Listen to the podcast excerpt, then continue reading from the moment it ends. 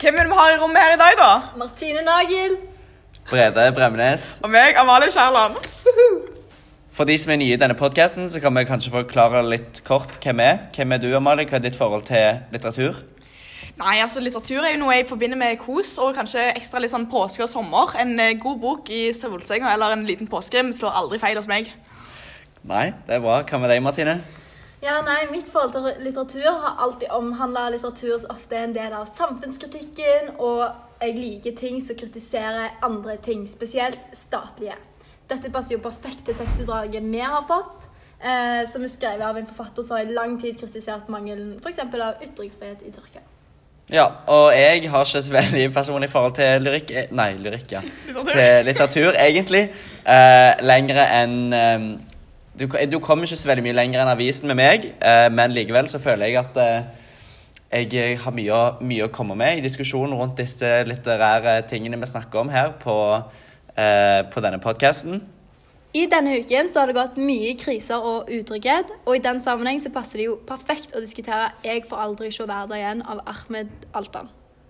Og du Amalia har jo lest en del om Ahmed Altan, så har du noe å si om han? Det vet du jeg har, Martine. Ahmed ble født i 1950 i Ankara. Han er kjent for å ha skapt for å ha en skarp og kritisk penn da, når han skriver. Og samtidig som flere av bøkene hans er blitt bestselgere, som er ganske imponerende, så er de òg blitt bannlyst. Um, Oi, det er spennende. ja. Ja, jeg har faktisk hørt at han en gang fikk sparken pga. de kritiske artiklene sine. Og i høsten 2016, eh, tror jeg det var, så ble han arrestert og fengs fengsla av tyrkiske myndigheter for eh, noen av sine uttalelser. da. Og seinere, i november i 2019, ble han dømt til ti år og seks måneder i fengsel. Det er veldig, det er sykt pga. litteratur, og, men i våren 2021 så ble han løslatt. da. Ja, og dette sier jo litt om ytringsfriheten i uh, Tyrkia. Og nå for å komme til det som er hovedtema denne episoden i podcasten, er å snakke om tek et utdrag fra teksten 'Jeg får aldri se været igjen' av Ahmed Altan.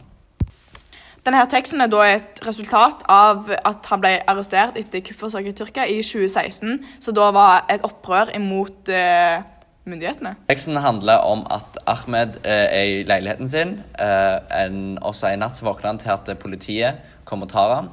Eh, og det er noe han eh, Og dette er jo da et Han blir tatt pga. at han har ytra sin mening mot eh, myndighetene og regimet i Tyrkia.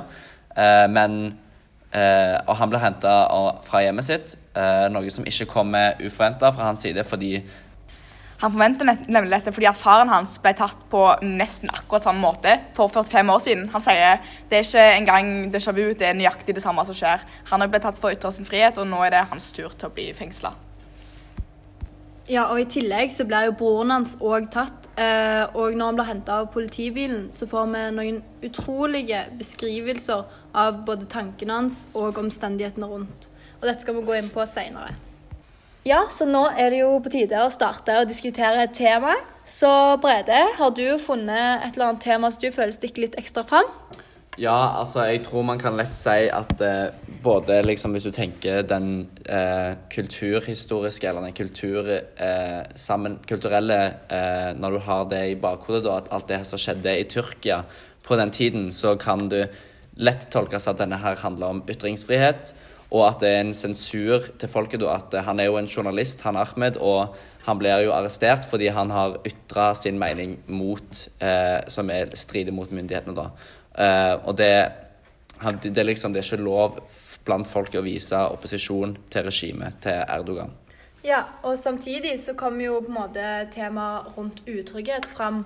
Eh, og dette kom jo frem gjennom teksten med at han skriver jo alt som om han kan eh, forutse det, med at han vet de kommer, og at det er de som dinger på klokken fem. Uh, og i tillegg så refererer han jo en del til sin egen far. Eh, eksempel så sier han en morgen som denne for nett 45 år siden var det jeg komme for å gripe faren min. Og det var jo akkurat det samme som skjedde med han nå. Og dette viser jo et poeng om at, eh, at eh, han kommer inn på hvordan denne, at han lever med denne utryggheten, at han visste at de kom til å ta han en gang. Ja. Altså, Jeg må jo si at jeg er enig med begge dere to, men jeg hadde kanskje spesialisert, nei, spesifisert enda litt direkte på ordet krise. Altså, Vi ser jo da at Ahmed har på en måte både en krise mentalt og en mer ytre krise. Den ytre krisen er jo da et resultat av det kuppforsøket som jeg nevnte litt tidligere. Og dette her igjen er jo det som fører til den indre krisen. Dette ser vi eh, går inn i bl.a. utrygghet, som Martine nettopp nevnte.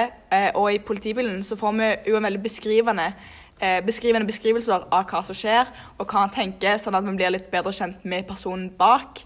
Men samtidig som man kan tro at, altså at Ahmed opplever en veldig sånn typisk indre krise, så virker han litt sånn overraskende rolig og later som at altså, Det virker som når du leser at det er skremmende normalt, nesten, da, eh, med å spørre politifolkene Når politifolkene spør han om eh, om eh, han skal bomme en røyk, så svarer han jo at han røyker bare når han er nervøs, og han spør jo om politiet vil ha en kopp te når de er på besøk.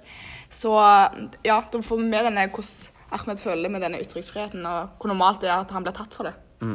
Ja, det er veldig bra sagt. Og den setningen med å bomme en røyk, den må vi ta den må vi ta og komme tilbake til litt seinere. Men hva tenker dere om budskapet? Har du tenkt noe på det, Martine? Ja, jeg har egentlig fått et veldig stort innblikk i hva budskapet er for min del. For jeg tenker at eh, ettersom at han refererer en del til faren sin og eh, den handlingen som skjedde før, så føler jeg at han eh, beskriver at det ikke skjer noe endring i staten. Så jeg føler at, en, eh, at budskapet er at eh, staten må endre seg. Eller at f.eks. ytringsfrihet, som du nevnte tidligere, må skje. At noe endring må skje. Så selv om på en måte tekstutdraget ikke har et stort fokus på endring i seg selv, så vet man jo i forkant på en måte at Ahmed er en journalist og har alltid hatt et ønske om å eh, kjempe for dette med ytringsfrihet eller endre den tyrkiske staten. Og når han bruker virkemiddelreferanse og refererer til da det som skjedde med faren og holdningene han viser retta mot politiet, så påpeker han jo at ingenting har endra seg, og det er likt som før.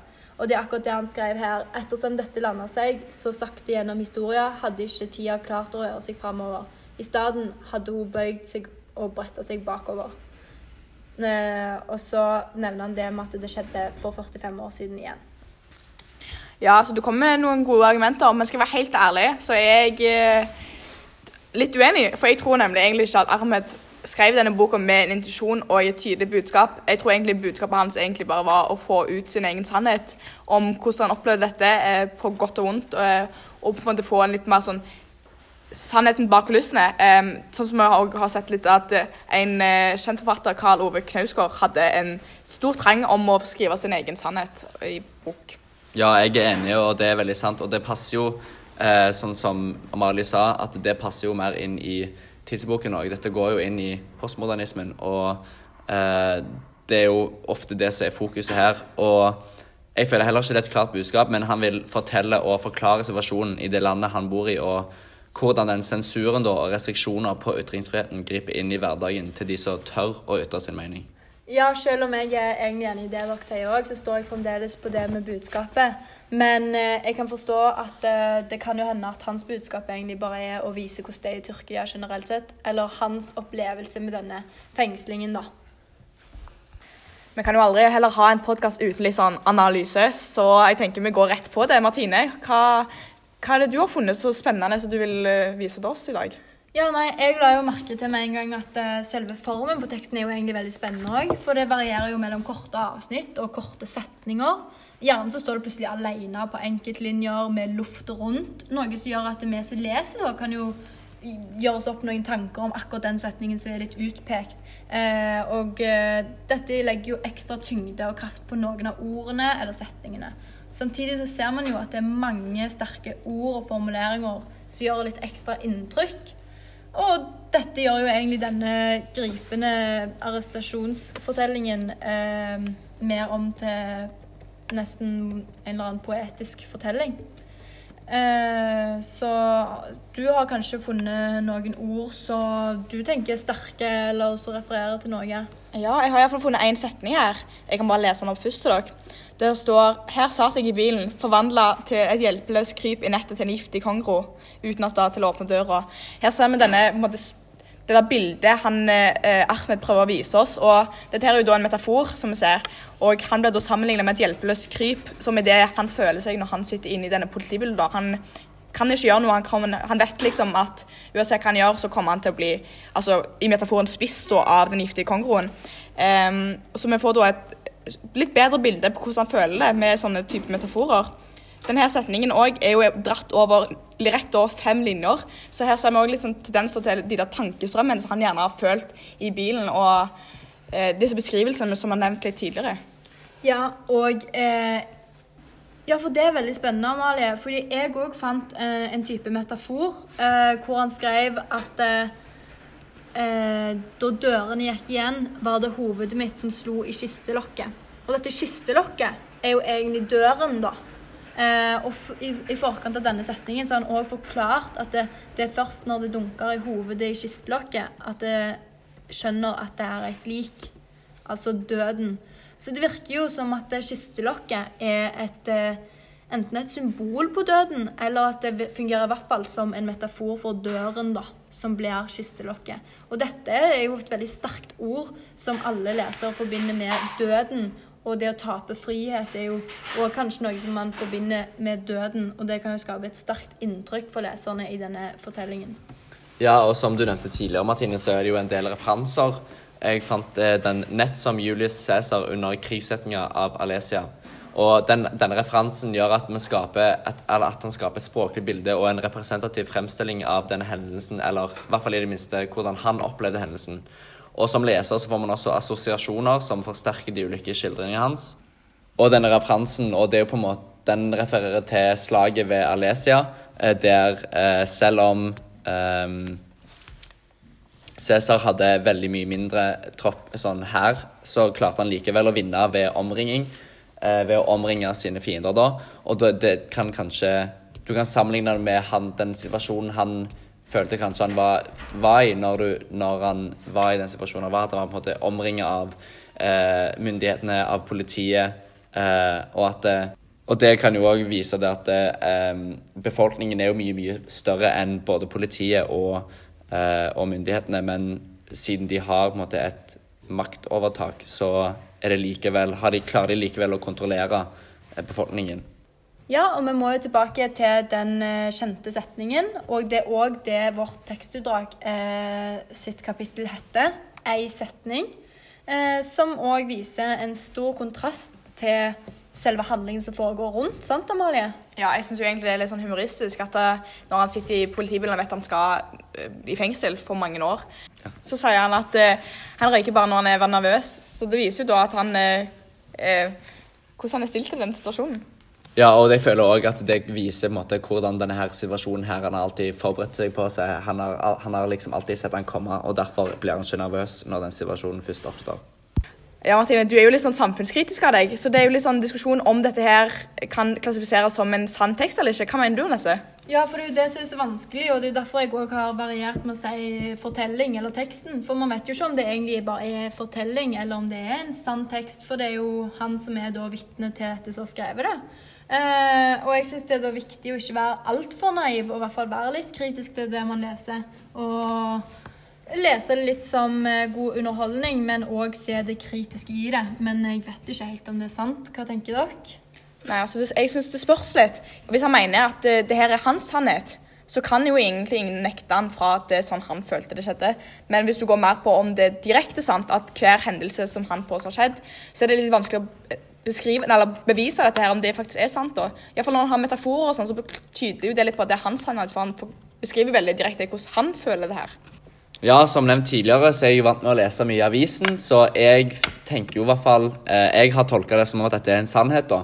Eh, og om han har eh, krydra litt ekstra på for å få historien spennende, så er jo det lov. Men jeg tror i hvert fall at hovedessensen av denne historien her er, kommer fra en sann historie. Ja, det er jeg enig i. Jeg er òg enig. Ja, var, det var alt for denne episoden. Eh, og vi gleder oss allerede til neste uke når vi skal snakke om et, et, det nye innlegget til Thomas Hylland Eriksen eh, og diskutere dette, da. Mm. Det var egentlig alt for i dag, da. Ja. Ha det bra!